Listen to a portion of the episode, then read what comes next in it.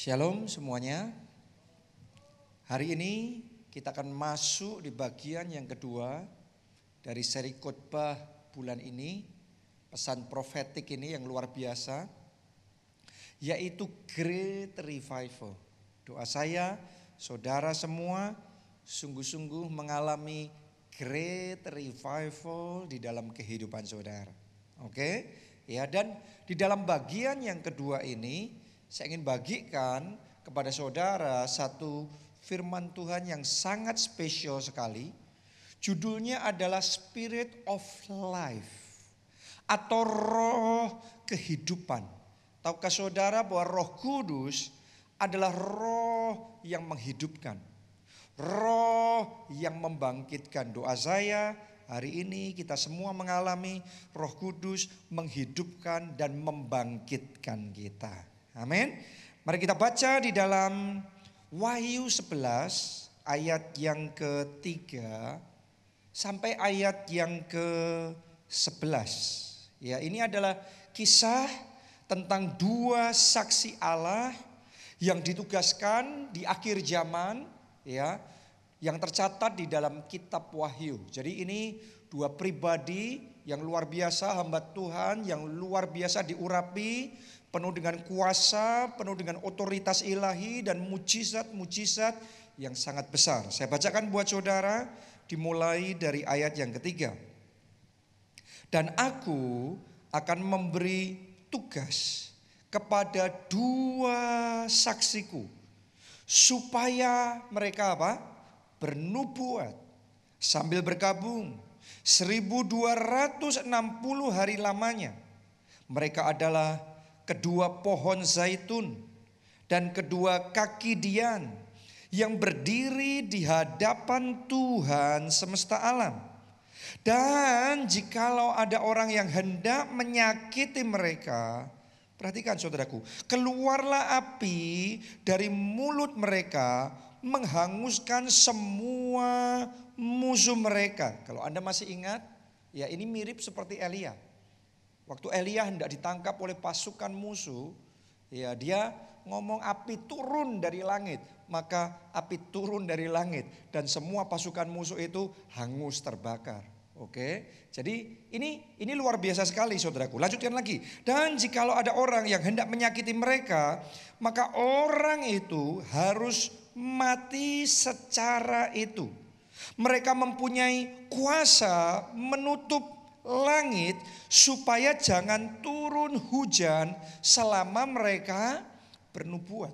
Ya makanya orang percaya bahwa dua saksi Allah ini adalah Elia dan Musa. Kenapa? Karena di dalam pelayanan mereka itu mirip seperti pelayanannya Elia.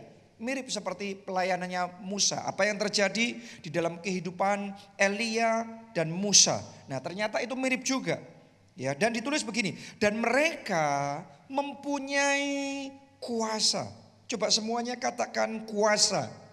Oke, mereka mempunyai kuasa atas segala air untuk mengubahnya menjadi apa? Darah. Ini seperti Musa kan? Salah satu tulah yang dia lakukan di Mesir, mengubah air jadi darah. Dan untuk memukul bumi dengan segala jenis mala petaka. Sama seperti Musa memukul Mesir dengan 10 tulah yang terkenal itu. Setiap kali mereka menghendakinya. Nah kalau saudara baca di dalam ayat-ayat ini, maka saudara akan menemukan bahwa dua saksi Allah ini benar-benar diperlengkapi dengan kuasa dan otoritas ilahi yang sangat besar. Kuasa dan otoritas ilahi untuk melakukan mujizat-mujizat yang sangat luar biasa. Nah, yang saya percaya begini, ya, firman Tuhan ini Tuhan akan bekerja dalam hidup banyak orang di tempat ini. Dan Roh Kudus akan berhembus di gereja kita untuk membangkitkan gereja kita, untuk membangkitkan saudara dan saya, untuk membangkitkan jemaat keluarga Allah masuk di dalam dimensi kuasa dan otoritas ilahi yang besar dimanifestasikan dalam hidup kita. Oke, minimal mendekati seperti dua saksi Allah tadi.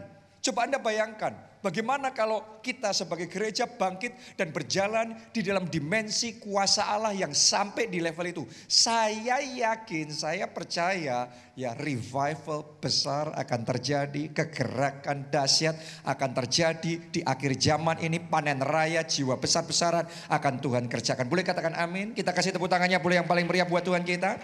Siap dibawa masuk di level kuasa Allah, di level otoritas Allah yang seperti ini? Jangan mau jadi anak Tuhan, jangan puas jadi anak Tuhan yang biasa-biasa saja. Yang powerless, yang gak ada kuasa, gak ada otoritas ilahi. Doanya, perkataannya cuma biasa. Mulai hari ini saya berdoa, urapan Allah turun dalam hidup saudara. Kuasa Allah turun dalam hidup saudara. Mulai hari ini doa Anda penuh dengan kuasa. Perkataan saudara penuh dengan otoritas ilahi. Kalau Anda berkata-kata mujizat terjadi di. Katakan amin. Sekali lagi tepuk tangannya boleh yang meriah buat Tuhan kita. Amin. Nah inilah dua saksi Allah yang akan muncul di akhir zaman. Cuma saya perlu ngomong sama saudara begini. Sehebat-hebatnya orang diurapi dan dipakai oleh Tuhan. Tetap harus mengikuti rencana Allah. Lihat Tuhan Yesus. Tuhan Yesus diurapi dengan begitu rupa, disertai dengan mujizat-mujizat yang luar biasa, tetapi diizinkan sempat ngalami yang namanya ditangkap, kemudian disalibkan, dan kemudian mati, seolah-olah dia kalah. Tapi yang luar biasa begini, ternyata tidak dibiarkan seperti itu.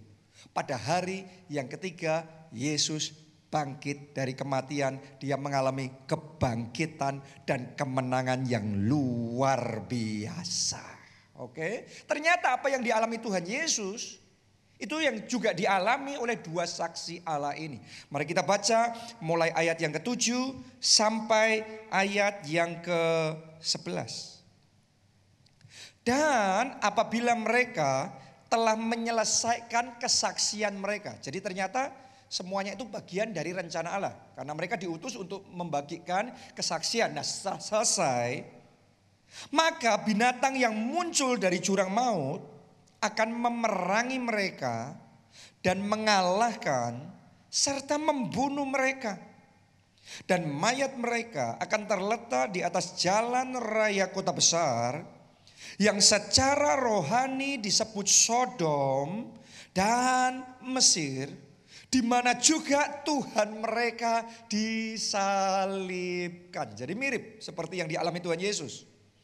Dan orang-orang dari segala bangsa dan suku dan bahasa dan kaum melihat mayat mereka tiga setengah hari lamanya dan orang-orang itu tidak memperbolehkan mayat mereka dikuburkan dan mereka yang diam di atas bumi bergembira dan bersuka cita atas mereka itu dan berpesta dan saling mengirim hadiah karena kedua nabi itu telah merupakan siksaan bagi semua orang yang diam di atas bumi. Oke, ternyata bagi pihak kegelapan yang namanya kesaksian, yang namanya firman Allah itu sebuah siksaan. Oke, itu sebabnya saya mau katakan sama saudara berani bersaksi, berani membagikan firman Allah, Anda akan melihat kuasa Tuhan bekerja luar biasa di dalam kehidupan saudara. Seolah-olah mereka kalah. Sama seperti Tuhan Yesus. Seolah-olah Tuhan Yesus kalah karena disalibkan dan kemudian mati. Tapi seolah kalah beda dengan tetap kalah. Oke, karena Alkitab ngomong tujuh kali orang benar jatuh, tapi tujuh kali ia akan bangkit kembali. Oke, Tuhan Yesus pada hari yang ketiga bangkit kembali. Nah mari kita lihat apa yang dialami dua saksi Allah ini. Ayat yang ke-11. Tiga setengah hari kemudian, perhatikan. Masuklah roh kehidupan. Ini the spirit of life. Doa saya saat ini juga masuklah roh kehidupan di dalam diri saudara.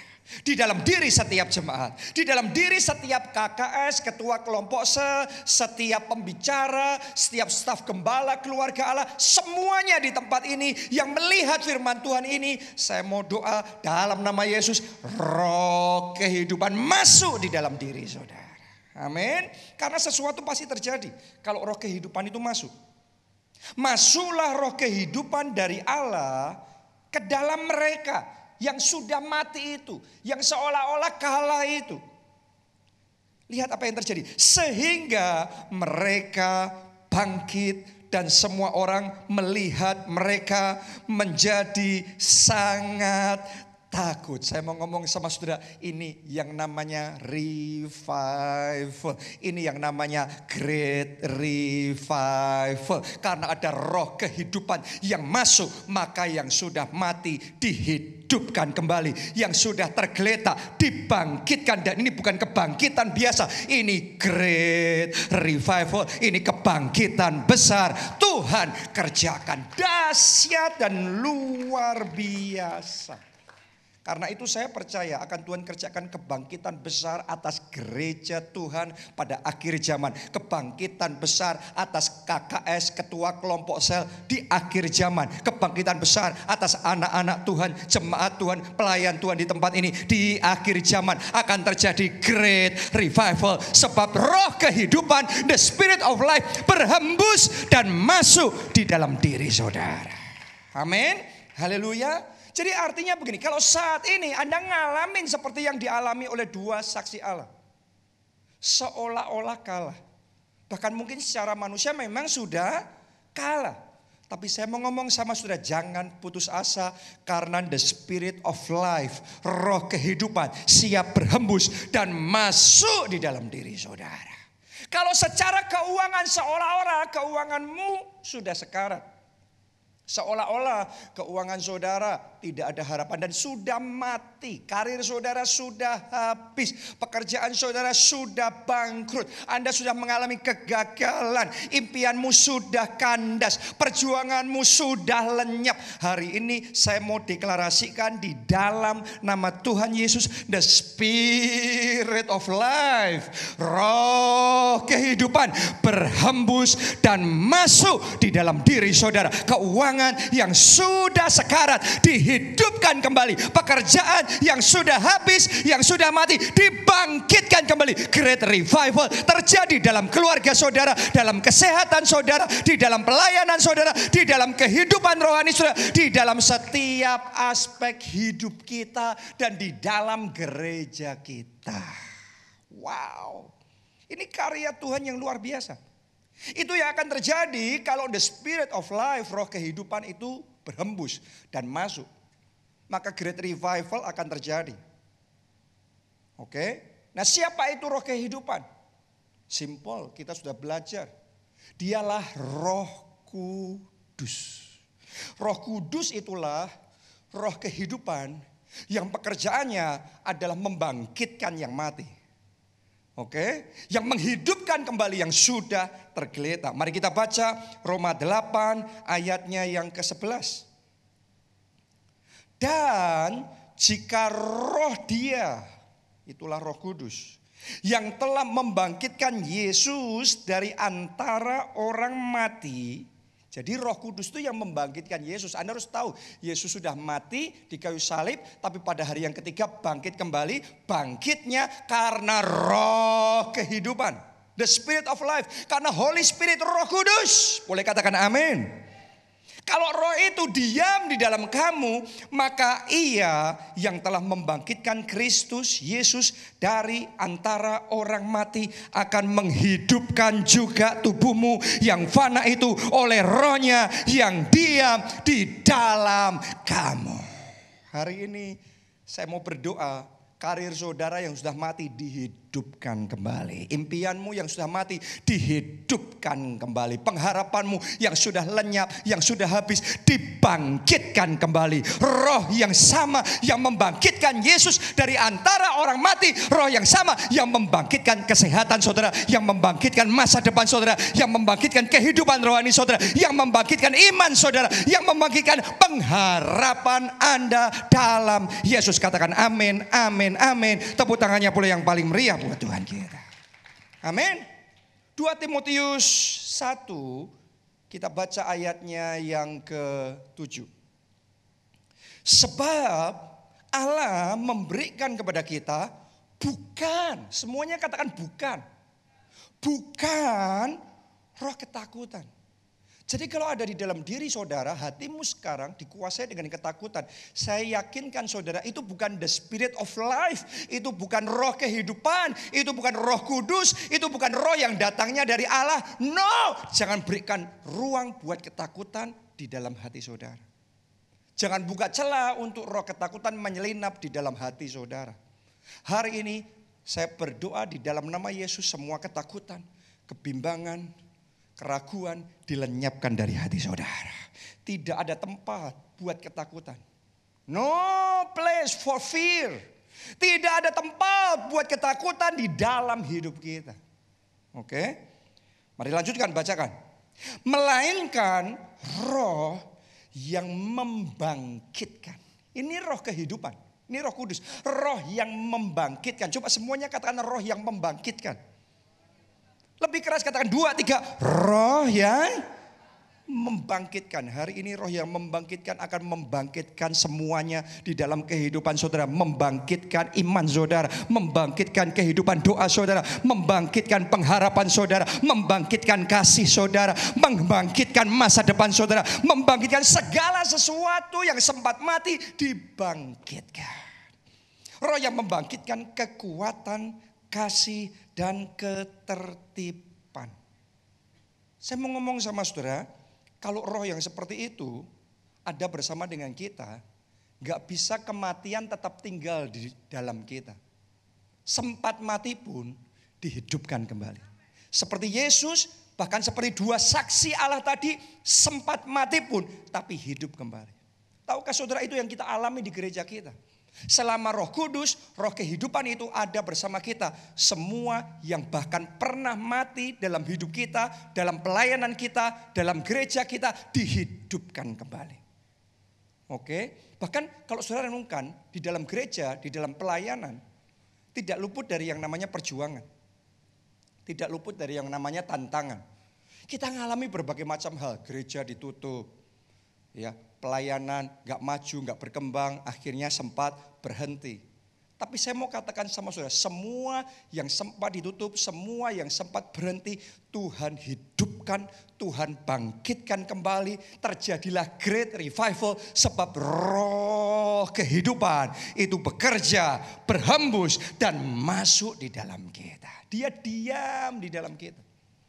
Kalau Anda renungkan gereja kita yang di Jakarta itu sudah berjalan sekian tahun, terseok-seok, susah sekali. Akhirnya nggak maju stagnasi, akhirnya mundur, akhirnya terus berkurang, akhirnya tutup. Orang dunia ngomong itu akhirnya, orang dunia ngomong itu endingnya, orang dunia ngomong finalnya, finalnya tutup, finalnya kalah, finalnya berhenti. Tapi yang luar biasa, ketika roh kehidupan berhembus, maka gereja kita yang dulu pernah tutup, sekarang dibuka kembali, sekarang dimulai kembali, sekarang dihidupkan kembali. Dan sekarang gereja kita di Jakarta salah satu gereja yang bertumbuh paling cepat di Jakarta. Dan Tuhan bekerja luar biasa, revival terjadi, jiwa-jiwa diselamatkan. Sungguh-sungguh great revival Tuhan kerjakan di tengah-tengah kita. Amin. Bukan cuma hidupnya sama seperti dulu, no. Tapi sekarang penuh dengan kehidupan, penuh dengan pengurapan, penuh dengan kemajuan, penuh dengan terobosan, penuh dengan kemenangan. Kenapa? Karena the spirit of life, karena roh kehidupan berhembus. Itu kuncinya. Itu yang paling utama. Jadi hari ini kalau saudara sempat mengalami area tertentu seolah-olah sudah habis. Area tertentu sudah berhenti, sudah lenyap saya mau katakan sama saudara selama roh kehidupan ada bersama dengan saudara maka semua yang mati bisa dihidupkan kembali, semua yang berhenti bisa dibangkitkan kembali. Terjadilah kebangkitan, terjadilah kehidupan kembali, terjadilah great revival dalam hidup saudara, di dalam kelompok saudara, di dalam gereja kita. Katakan amin, amin, amin. Tepuk tangannya pula yang paling meriah buat Tuhan kita. Haleluya. Jadi kuncinya semuanya balik sama Roh Kudus. Roh kehidupan. Karena hidup kita akan sangat berbeda kalau kita hidup dengan dan tanpa Roh Kudus. Itu beda sekali. Dengan dan tanpa Roh Kudus. Dengan roh kudus kita boleh berjuang, dengan roh kudus kita boleh berusaha, tapi usaha manusia terbatas. Sampai di satu titik kita akan angkat tangan, sampai di satu titik kita tidak mampu, sampai di satu titik kita akan menyerah, sampai di satu titik kita akan kalah, sampai di satu titik kita akan habis. Itu tanpa roh kudus. Gereja kalau tanpa roh kudus, maka bukan revival. Cuma program manusia, usaha manusia, kepandaian manusia. Ada batasannya. Tapi kalau bersama dengan roh kudus, kalau ada roh kudus, saya mau katakan sama saudara, tidak terbatas, unlimited, tanpa batasan. Tuhan bisa bekerja dahsyat dan luar biasa di tengah-tengah kita. Bahkan saya yakin saudaraku bersama dengan roh kudus, roh kehidupan itu visi yang Tuhan berikan untuk gereja kita yaitu satu juta jiwa akan tergenapi. Dan tergenapinya bukan dengan pergumulan, tergenapinya dengan kuasa Allah dengan roh Allah. Tergenapinya dengan kegerakan yang daripada Tuhan. Dengan angin roh kudus arus ilahi yang berhembus di tengah-tengah kita. Terjadinya begitu saja. Semuanya kuasa Tuhan. Oke, itu sebabnya sebagai satu kesatuan gereja, saya mau ajak saudara semuanya, ayo kita mengutamakan Roh Kudus. Ayo kita beli ruang seluas-luasnya buat Holy Spirit, buat Roh Kudus bekerja nyata di tengah-tengah kita. Dalam hidup kita, dalam keluarga saudara, kasih tempat, utamakan, prioritaskan. Roh Kudus harus jadi pribadi yang dominan, yang menonjol dalam hidupmu, dalam perkataanmu, di dalam pergaulanmu di dalam waktumu, di dalam segala aspek hidupmu. Biarlah Roh Kudus itu yang jadi pribadi yang paling utama, yang pertama dalam hidup saudara. Dalam gereja kita. Oke? Jangan sampai kehilangan Roh Kudus. Saya mau ngomong begini sama saudara. Anda kehilangan yang lain, tapi kalau saudara tidak kehilangan Roh Kudus, Roh Kudus, roh kehidupan bisa memulihkan semua yang hilang dari hidup saudara, bisa menghidupkan semua yang mati, bisa membangkitkan semua yang tergeledak karena dia penuh dengan kuasa. Tapi kalau saudara punya semuanya, Anda kehilangan Roh Kudus, Anda kehilangan segalanya. Itu itu kita harus mengerti satu kebenaran. Itu sebabnya dalam hidup Daud, Daud tidak takut kehilangan apa pun. Daud hanya takut kalau dia kehilangan Roh Kudus. Mari kita baca Mazmur 51 ayat 13. Janganlah membuang aku dari hadapanmu. Dan ini doanya Daud saudaraku. Jangan mengambil rohmu yang kudus daripadaku. Daud doanya cuma satu. Kalau ada yang diambil, pokok jangan Roh Kudus. Yang lainnya terserahlah. Tapi pokok jangan Roh Kudus. Kenapa? Karena Daud tahu itu kuncinya. Daud tahu itu sumbernya. Daud tahu itu yang utama. Roh Kudus. Dia ngomong yang lain, yang lainnya terserah. Tapi yang Roh Kudus itu yang utama. Tidak boleh sampai hilang dalam hidup kita. Oke, Daud tidak takut kehilangan nama baik, Daud tidak takut kehilangan jabatan, Daud tidak takut kehilangan harta, Daud tidak takut kehilangan apa pun, Daud hanya takut kehilangan Roh Kudus. Sudah lihat dalam hidup Daud. Daud ini ngalami banyak hal. Kalau saudara dalam hidupmu banyak pergumulan, banyak masalah, Anda lihat Daud sama saja. Ini orang yang diurapi, yang dicintai Tuhan, juga mengalami tantangan, juga mengalami pergumulan di dalam kehidupannya. Tetapi selama ada roh kudus, ada pembelaan yang daripada Tuhan. Coba Anda lihat, banyak hal diambil dalam hidup Daud. Bapaknya sendiri, yaitu Isai, mengambil kesempatan Daud untuk bisa ikut dipilih jadi raja, diambil. Daud nggak dipang, Daud nggak diundang untuk ikut di dalam kontes raja. Jadi secara manusia itu nggak adil, nggak fair. Tapi karena Daud punya roh kudus, roh kudus memastikan apa yang orang lain ambil dikembalikan kepada Daud. Daud yang dipilih, Daud yang diurapi, dan Daud yang diangkat untuk menjadi raja. Coba saudara renungkan. Di dalam kehidupan Daud, Raja Saul mengambil segalanya dari Daud. Karena Saul iri, maka Saul mulai memfitnah, maka Saul mulai berniat jahat. Maka Daud mulai dikejar-kejar. Akhirnya nama baiknya dirusak. Akhirnya jabatannya hilang. Akhirnya semua kekayaannya habis. Akhirnya Daud nggak punya apa-apa, cuma tinggal tersisa pakaian yang dia kenakan. Itu saja yang dia punya. Dan dia melarikan diri. Semuanya hilang lenyap. Tapi saya mau ngomong begini sama saudara. Di dalam pelariannya itu, Daud tidak kehilangan satu hal, yaitu roh. Dan roh kudus itu yang memulihkan segala sesuatu yang diambil Saul dalam hidupnya. Dipulihkan oleh roh kudus. Bahkan dipulihkan berlipat kali ganda. Doa saya terjadi pemulihan berlipat kali ganda dalam hidup saudara. Boleh katakan amin tepuk tangannya. Yang meriah buat Tuhan kita. Anda lihat dalam hidup Daud, Absalom pun sempat mengambil istananya Daud.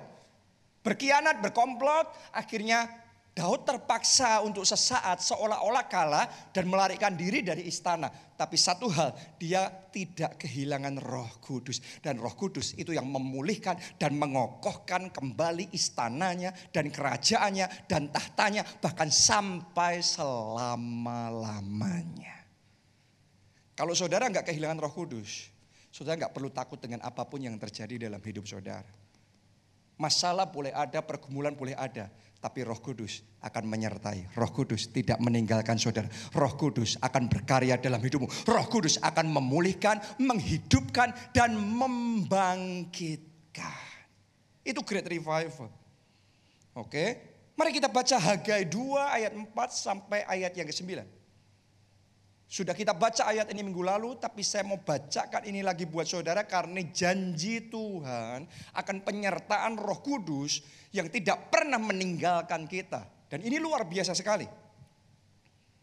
Saya bacakan, tetapi sekarang kuatkanlah hatimu, hai Serubabel. Demikianlah firman Tuhan.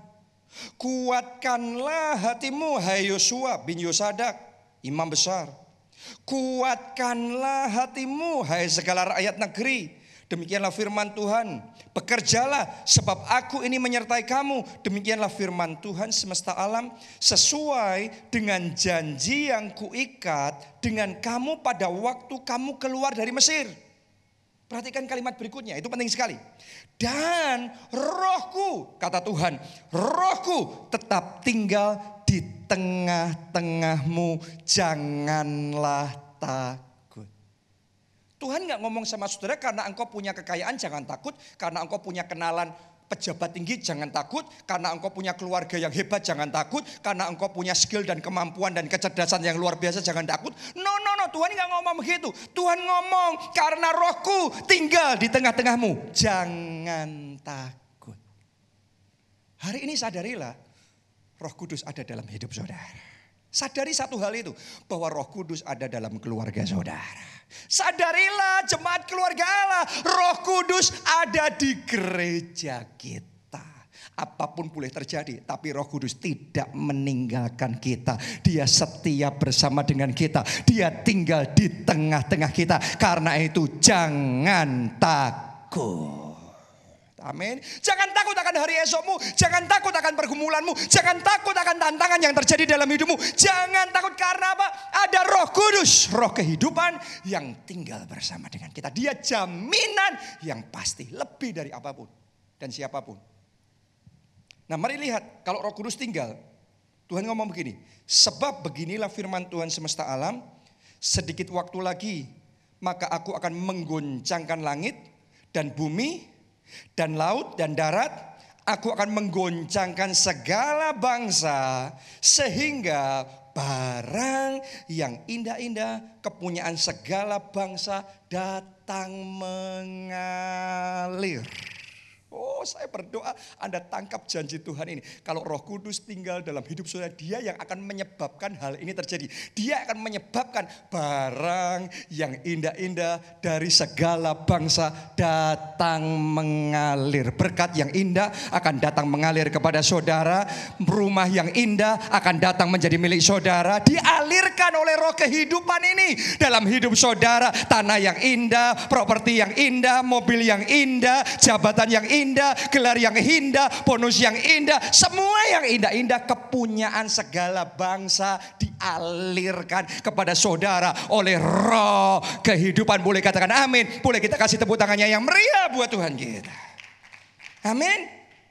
Anda yang mempercayai janji tadi bukan sebagai kata-kata kiasan, tetapi sebagai rema terjadilah itu dalam hidupmu. Terjadi, terjadi, terjadi jawaban doa yang indah. Terjadi, terjadi pemulihan keluarga yang indah. Terjadi, terjadi, terjadi berkat yang indah, keajaiban yang indah. Terjadi, terjadi, terjadi dalam nama Yesus. Karena ini bukan kiasan, sorry saya mau ngomong sama saudara. Ini bukan kiasan, ini bukan puisi. Ini hal janji Tuhan, jaminan yang pasti roh kehidupan yang mengalirkan itu kepada kita. Lanjutkan lagi. Maka aku akan memenuhi rumah ini dengan kemegahan. Katakan amin saudaraku. Tuhan akan buat hidupmu megah. Tuhan akan buat pekerjaanmu megah. Tuhan akan buat namamu megah. Tuhan akan buat prestasimu megah. Tuhan akan membuat yang engkau kerjakan karyamu megah. Tuhan akan membuat dan mendandani saudara jadi indah dan megah karena roh kehidupan ada di tengah-tengah kita. Tuhan akan, sudah akan melihat. Tuhan akan mendandani gereja kita jadi indah. Tuhan akan membuat kegerakan yang Tuhan, yang terjadi di gereja kita jadi megah dan luar biasa. Ini akan Tuhan kerjakan. Makanya great revival. Lanjutkan lagi. Ayat 8, kepunyaan kula perak dan kepunyaan kula emas. Demikianlah firman Tuhan semesta alam. Adapun rumah ini, rumah ini Hidup ini. Ada amin? Gereja ini. Haleluya. Kemegahannya yang kemudian akan melebihi kemegahannya yang semula. Boleh katakan amin saudaraku. Firman Tuhan semesta alam. Dan di tempat ini aku akan memberi damai sejahtera. Demikianlah firman Tuhan semesta alam. Ini hanya akan terjadi kalau Roh Kudus tinggal di tengah-tengah kita. Tadi janji itu. Ini hanya akan terjadi kalau Roh Kudus ada di senternya ada di pusatnya, bukan di sampingnya, bukan di pinggirnya. Kalau dalam hidupmu Roh Kudus ada di pinggiran, Roh Kudus ada di samping. Saya mau katakan sama saudara, engkau nggak akan melihat manifestasi ini. Tapi kalau engkau jadikan Roh Kudus pusat segalanya di dalam hidup saudara, pusat di dalam hati saudara, pusat di dalam keluarga saudara, pusat di dalam pekerjaan saudara, pusat untuk masa depan saudara, pusat di dalam gereja kita, Anda akan melihat kuasanya dimanifestasikan dan yang mati akan dibangkitkan dan yang tergelar akan dihidupkan kembali. Boleh katakan amin tepuk tangannya yang meriah buat Tuhan kita. Haleluya. Jadikan dia pusat dalam hidup saudara. Menjadikan pusat itu gimana? Kita baca Galatia 5 ayatnya yang ke-25. Jikalau kita hidup oleh roh. Kalau saudara hidup oleh roh kehidupan itu. Roh kudus itu. Baiklah hidup kita juga dipimpin oleh roh. Wow. Jadi ini kuncinya. Kalau Anda mau roh kudus diam di dalam hidup saudara, di tengah-tengah saudara. Maka biarlah hidupmu dipimpin oleh roh kudus. Saya berdoa mulai hari ini perkataan kita dipimpin oleh roh kudus. Gak asal ngomong. Doa saudara dipimpin oleh roh kudus. Pelayanan saudara dipimpin oleh roh kudus. Kelompok saya saudara dipimpin oleh roh kudus. Keluarga saudara dipimpin oleh roh kudus. Setiap keputusan yang kita ambil bukan keputusan dari akal budi kita manusia saja. Tetapi keputusan yang dipimpin oleh roh kudus. Boleh katakan amin. Haleluya. Dipimpin oleh roh kudus. Saya tuh belajar saudaraku. Kalau kita dipimpin oleh roh kudus kita akan melihat manifestasi kuasnya dinyatakan di tengah-tengah kita. Waktu saya dipimpin oleh Roh Kudus untuk mendeklarasikan bangun Pondok Daud. Sebanyak bejana Pondok Daud yang kita bangun, sebanyak itu mujizat-mujizat yang Tuhan akan kerjakan. Ketika saya dipimpin Roh Kudus memperkatakan rema itu, maka kuasa Tuhan membackup, menyertai dan mujizat-mujizat besar yang tidak masuk akal itu terjadi.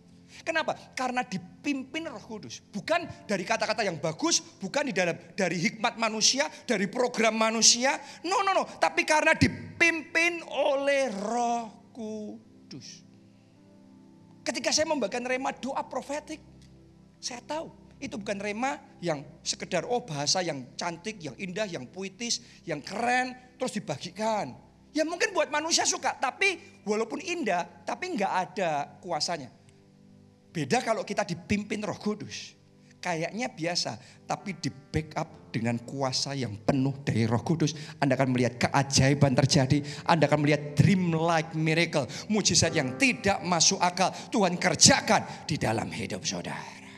Dipimpin roh kudus, itu roh kehidupan. Terlebih lagi sebentar lagi kita akan masuk di dalam unlimited conference. Mulai besok Senin ya sampai Rabu UC unlimited conference. Dan kemudian dilanjutkan rangkaian ulang tahun ulang tahun gereja kita di berbagai kota terus.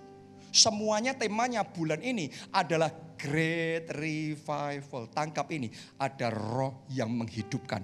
The Spirit of Life yang sedang bekerja, yang sedang berhembus, yang sedang menghidupkan semua yang sempat tergeletak, dibangkitkan. Semua yang mati, dihidupkan. Saya percaya Great Revival ini terjadi di tengah-tengah kita. Waktu saya berdoa tentang tema Great Revival, saya doa maksudnya Tuhan apa itu Great Revival? Kebangkitan besar apa? Siapa yang dibangkitkan? Tiba-tiba saudaraku di dalam roh, saya tuh dibawa Tuhan dan diingatkan oleh Tuhan tentang kisah tulang-tulang kering di lembah itu, pengalaman Nabi Yeskiel. Dan di situ ada arus ilahi yang berhembus. Ketika arus ilahi itu berhembus, maka tulang-tulang yang kering itu kemudian mulai bergerak. Dan setelah bergerak mulai jadi satu. Setelah jadi satu mereka mulai muncul ada uratnya, ada dagingnya, ada kulitnya. Mereka mulai bangkit kembali. Kemudian mereka mulai dihidupkan, dibangkitkan. Alkitab mencatat menjadi suatu barisan tentara Allah yang besar, yang dahsyat, yang kuat itu yang namanya great revival. Itu adalah pasukan Allah di akhir zaman. Itu adalah pahlawan-pahlawan Allah di akhir zaman yang Tuhan kerjakan melalui great revival. Yaitu di tengah-tengah kita arus ilahi selama mulai mulai bulan September ini. Arus ilahi berhembus dan arus itu akan menghidupkan semua tulang-tulang yang kering. Semua pahlawan-pahlawan Allah yang sempat mati terbunuh dalam tanda kutip yang sempat bangkrut di dalam kehidupan rohaninya, sempat habis dalam pengharapan dan imannya, sempat undur di dalam pelayanannya, sempat habis kelompok selnya, sempat mundur dari kehidupan doanya. Saya mau katakan arus ilahi berhembus dalam hidup saudara. Arus ilahi berhembus dalam pelayanan saudara. Arus ilahi berhembus di dalam kehidupan rohani saudara. Di dalam keluarga saudara. Dan dalam nama Tuhan Yesus. Great revival terjadi. Bangkit tentara Allah. Bangkit pahlawan Allah. Bangkit suatu barisan tentara Allah yang besar. Untuk apa great revival? Karena satu, tujuan Tuhan. Yaitu end time revival. Yaitu kebangunan rohani akhir zaman. Tuayan raya jiwa-jiwa akhir zaman akan terjadi. Di Indonesia tuayan raya jiwa besar-besaran. Siapa yang mau dipakai? Anda, Anda, Anda, Anda, Anda, Anda, Anda, Anda, Anda semua. Yaitu pahlawan-pahlawan Allah yang menerima roh kehidupan. The spirit of life masuk dan kita dihidupkan. Terjadi kebangkitan, terjadi kehidupan. Dalam nama Yesus terjadi great revival. Yang percaya katakan amin. Tepuk tangannya yang meriah. Anda percaya? Yang percaya mari bangkit berdiri, bangkit berdiri. Kita mau nyanyikan lagu ini, rohmu yang hidup ya Tuhan.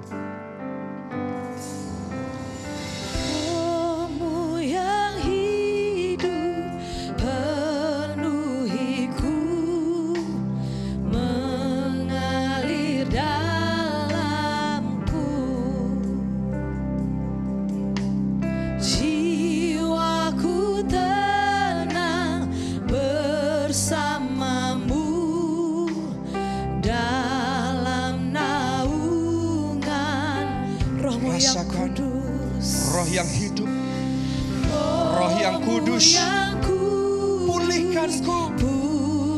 bangkitkan kita.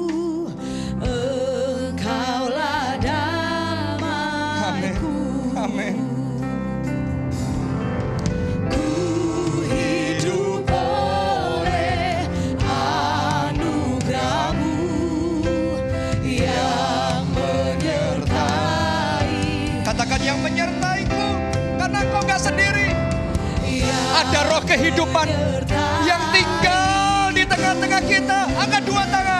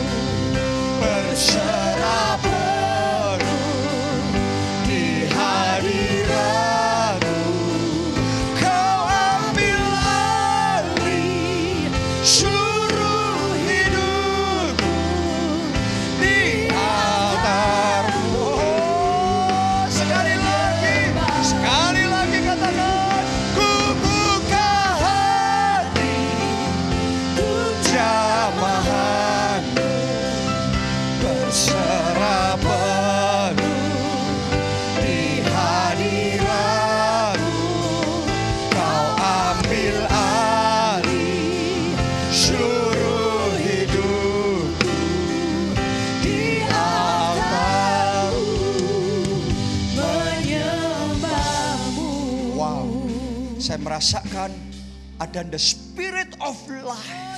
Ada roh kehidupan itu yang siap berhembus dan masuk di dalam diri kita. Amin. Karena ketika roh itu masuk di dalam diri dua saksi Allah yang sempat tergeletak mati terbunuh. Maka yang sudah mati dihidupkan kembali. Yang tergeletak itu dibangkitkan kembali. Terjadi great revival dua saksinya Allah. Terjadi great revival pahlawan-pahlawan Allah yang luar biasa. Saya yakin di tempat ini Tuhan sedang berhembus di tengah-tengah kita. Roh kehidupan itu siap berhembus dalam hidup saudara. Karena tulang-tulang kering akan dihidupkan menjadi pahlawan Allah yang gagah perkasa. Saya melihat dalam roh saya jemaat di tempat ini, jemaat gereja keluarga Allah, Tuhan akan bangkitkan saudara jadi pahlawan-pahlawan Allah yang luar biasa. Saya melihat ada barisan tentara Allah yang siap untuk bergerak walk by faith, not by sight, berjalan dengan iman, bukan dengan melihat dengan mata jasmani. Jemaat yang berjalan di dalam kuasa dan otoritas ilahi yang besar yang daripada Tuhan. Jemaat yang akan bersaksi, jemaat yang akan memberitakan kabar baik, jemaat yang akan menyelamatkan jiwa-jiwa, jemaat yang akan berdoa dan menumpangkan tangan pada si sakit. Dan si sakit akan sembuh. Jemaat yang memperkatakan deklarasi profetik dan mujizat-mujizat terjadi. Jemaat yang hidupnya penuh dengan kuasa Allah, pahlawan-pahlawan Allah, barisan tentara Allah yang seperti itu, yang dia mau hidupkan, yang dia mau bangkitkan dari great revival. Siapa di tempat ini mau terima roh kehidupan itu? Angkat dua tangan saudara, ikuti doa saya, katakan dalam nama Yesus, roh kehidupan, berhembuslah, masuklah, bawa kehidupan. Bawa kebangkitan. Dalam nama Yesus, great revival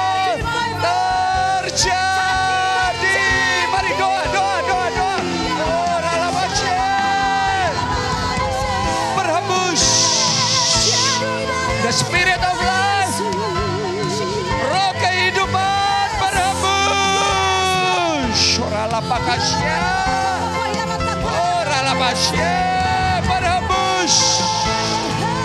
tulang-tulang yang kering dihidupkan. Terima terima terima.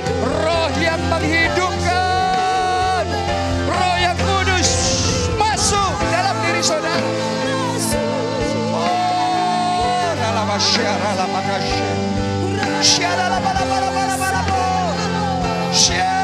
terima terima. Great Terjadi kebangkitan dalam iman saudara. Kebangkitan dalam pengharapan saudara. Kebangkitan dalam kehidupan rohani saudara. Kebangkitan dalam kelompok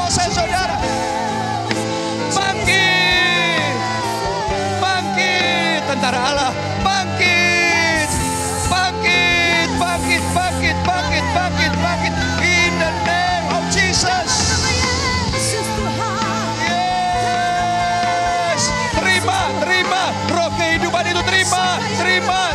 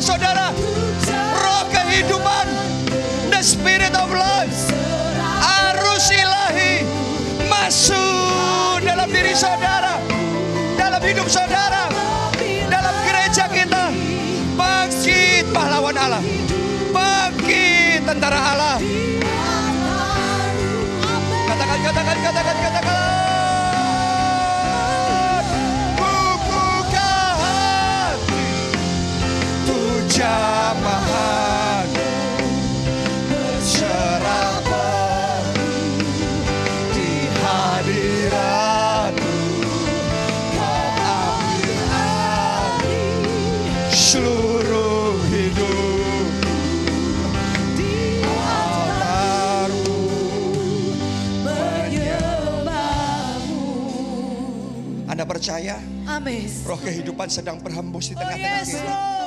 Tahukah saudara kalau roh kehidupan berhembus bukan hanya revival, bukan hanya kegerakan rohani, bukan hanya pertobatan jiwa, keselamatan jiwa-jiwa yang terjadi, tapi juga mujizat-mujizat siap Tuhan kerjakan di dalam hidup saudara.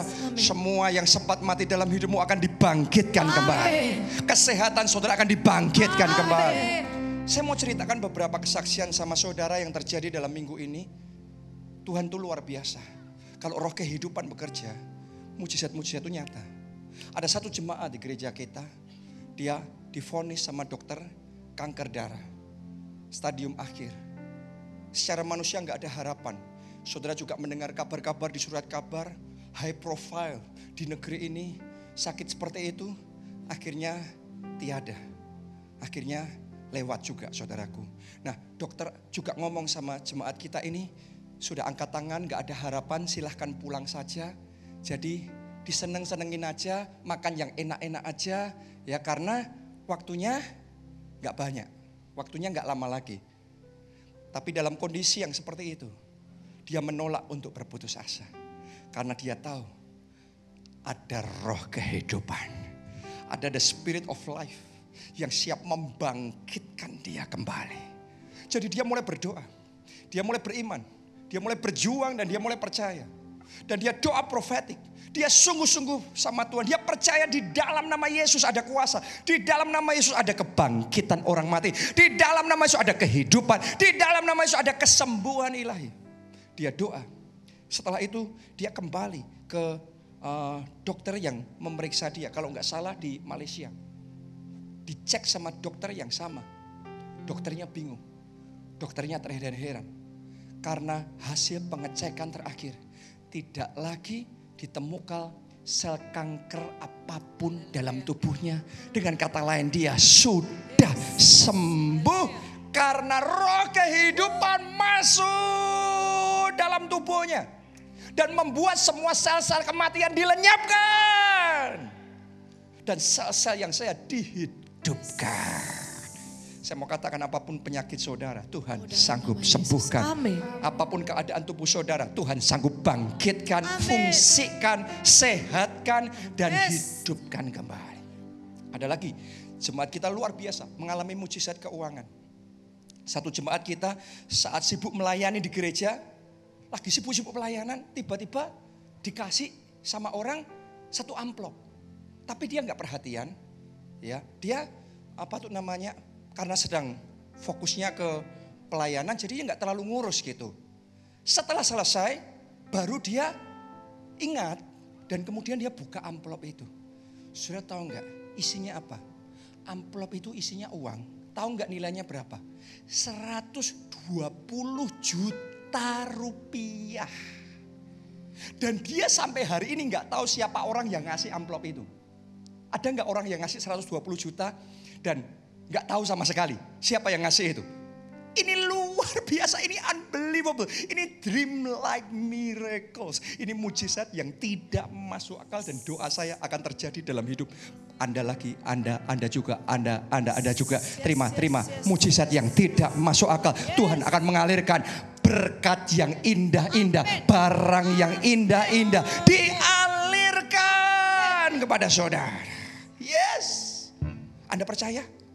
Jadi itu mujizat. Jadi itu mujizat. Satu lagi, saya mau cerita. Ada satu jemaat kita, ya, punya orang tua, sudah sepuh, cukup lumayan, umurnya 78 tahun. Tapi orang tuanya ini sudah sekian lamanya lumpuh dan buta. Oke. Nah, setelah sekian lamanya lumpuh buta, suatu saat dia dengar apa yang Tuhan kerjakan di tengah-tengah kita, mujizat-mujizat. Dia bawa KKR di gereja kita. KKR pencurahan roh kudus yang lalu, dia bawa. Di situ didoain. Setelah itu pulang, diajarin doa profetik. Jadi di rumah mereka doa profetik sendiri. Dalam nama Yesus, jemaat kita ini dalam nama Yesus. Ibuku bangkit, berjalan, melihat dalam nama Tuhan Yesus. Sudah tahu nggak apa yang terjadi? Di hari yang ketiga, ibunya yang lumpuh itu bangkit dan tiba-tiba berjalan begitu saja sampai sekarang. Yang tadinya buta nggak bisa melihat, terbuka matanya dan sejak hari itu sampai sekarang bisa melihat kembali. Kuasa Tuhan luar biasa. Tepuk tangannya pula yang paling meriah buat Tuhan kita. Nah, ternyata mujizatnya nggak berhenti sampai di situ. Jadi kalau mujizat terjadi itu bisa berentetan. Tahu nggak saudaraku? Dia cerita dia tuh punya masalah juga selain ibunya punya masalah keuangan karena dia pernah ikut semacam uh, kerjasama bisnis dengan temannya, tapi bisnis temannya gagal sehingga uangnya dia habis semua 400 juta habis padahal itu pinjaman bank. Waduh, dia stres sekali. Tapi dalam kondisi seperti itu, dia ngalami ibunya terima mujizat kesembuhan, imannya bangkit. Oke, jadi dia mulai percaya bahwa di dalam Tuhan ada kuasa yang besar. Dalam kondisi seperti itu, tiba-tiba dia merasakan roh kudus bicara sama dia untuk nabur benih profetik. Gak masuk akal kan? Dalam kesulitan disuruh roh kudus nabur benih profetik. Janji iman. Dia padahal gak punya itu, tapi dia berdoa Tuhan kalau Tuhan sediakan, aku janji Tuhan, aku akan berikan itu. Dan benar saudaraku, kuasa Tuhan bekerja luar biasa. Tiba-tiba dia dapat ayat tentang iman. Waktu dia dapat rema itu, bangkit imannya. Dan yang luar biasa, ini saya yakin arus ilahi. Tiba-tiba dihubungi sama pihak asuransi, klaim anaknya yang sekian waktu lalu meninggal dunia, ya. Tiba-tiba dia dihubungi pihak asuransinya bahwa dari BPJS bisa turun ya asuransi senilai 250 juta rupiah. Itu nggak kepikir, nggak kebayang dia berpikir mustahil, tapi terjadi. Dia terima 250 juta rupiah. Terus kemudian bukan cuma itu aja, dia punya satu tanah di daerahnya sana, dia mau jual. Menurut perhitungan uh, apa pasar ya nilainya maksimal maksimal karena daerahnya pinggir ya. Jadi maksimal maksimal cuma 100 juta ya. Tapi yang luar biasa, tiba-tiba baru aja ya ada Tuhan kirimkan pembeli yang nawar dan bayar tanah itu senilai 170 juta rupiah. Dan itu mujizat terjadi. Tuhan kembalikan kehilangannya. Luar biasa. Bukan cuma itu aja saudaraku. Yang hebat begini. Tadi kan sudah mujizat kesembuhan. Terus yang terakhir saya ceritakan mujizat keuangan. Ya, yang terakhir dia itu sama suaminya punya masalah dalam keluarganya. Pernikahannya, wah selisih paham terus. Sampai terjadi banyak hal yang tidak baik. Sampai dia hampir dibunuh sama suaminya sendiri. Sampai suaminya sudah pergi. Sudah meninggalkan rumah dan seterusnya. Ini sudah mengalami keadaan yang terberat dalam hidupnya. Tiba-tiba luar biasa roh kudus bekerja. Suaminya bisa kembali ke rumah sadar dia buat salah, sadar dia yang gak benar, dia minta maaf sama ibu ini dan saat itu pemulihan keluarga terjadi. Artinya gini, ibu yang sama ngalami baik mujizat kesembuhan, baik mujizat keuangan, baik mujizat pemulihan keluarga. Saya mau ngomong, ini waktunya Tuhan kerja bukan cuma satu-satu. Ini waktunya mujizatnya beruntun, berentetan, bertubi-tubi, berbondong-bondong, segala jenis mujizat Tuhan kerjakan. Kalau saudara percaya, siapa yang mau terima mujizat-mujizat yang luar biasa ini terjadi berbagai jenis mujizat dalam hidup saudara. Yang percaya, angkat dua tangan saudara. Mari basaro, basaro, oh rata kapasya, oh rala pasya,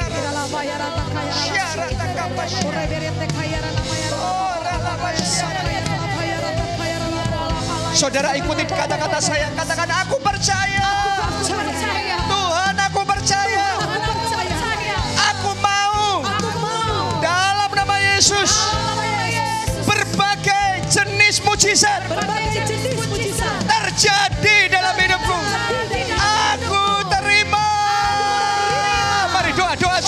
Dalam nama Yesus. Mujizat pemulihan keluarga terjadi. In the name of Jesus, mujizat pertobatan jiwa-jiwa terjadi. In the name of Jesus, mujizat kesembuhan ilahi terjadi.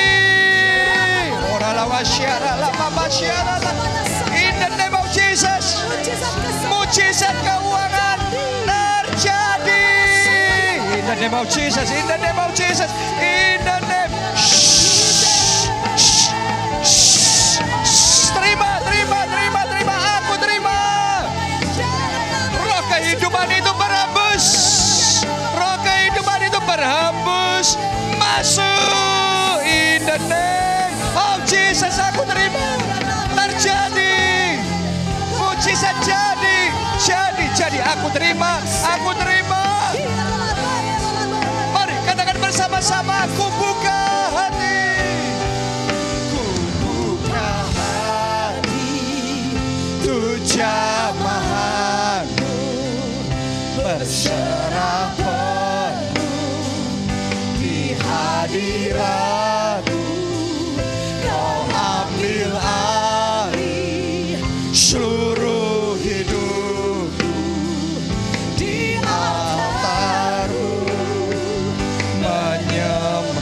semuanya yang terakhir. Saya ajak semuanya angkat dua tangan tinggi-tinggi katakan. Buka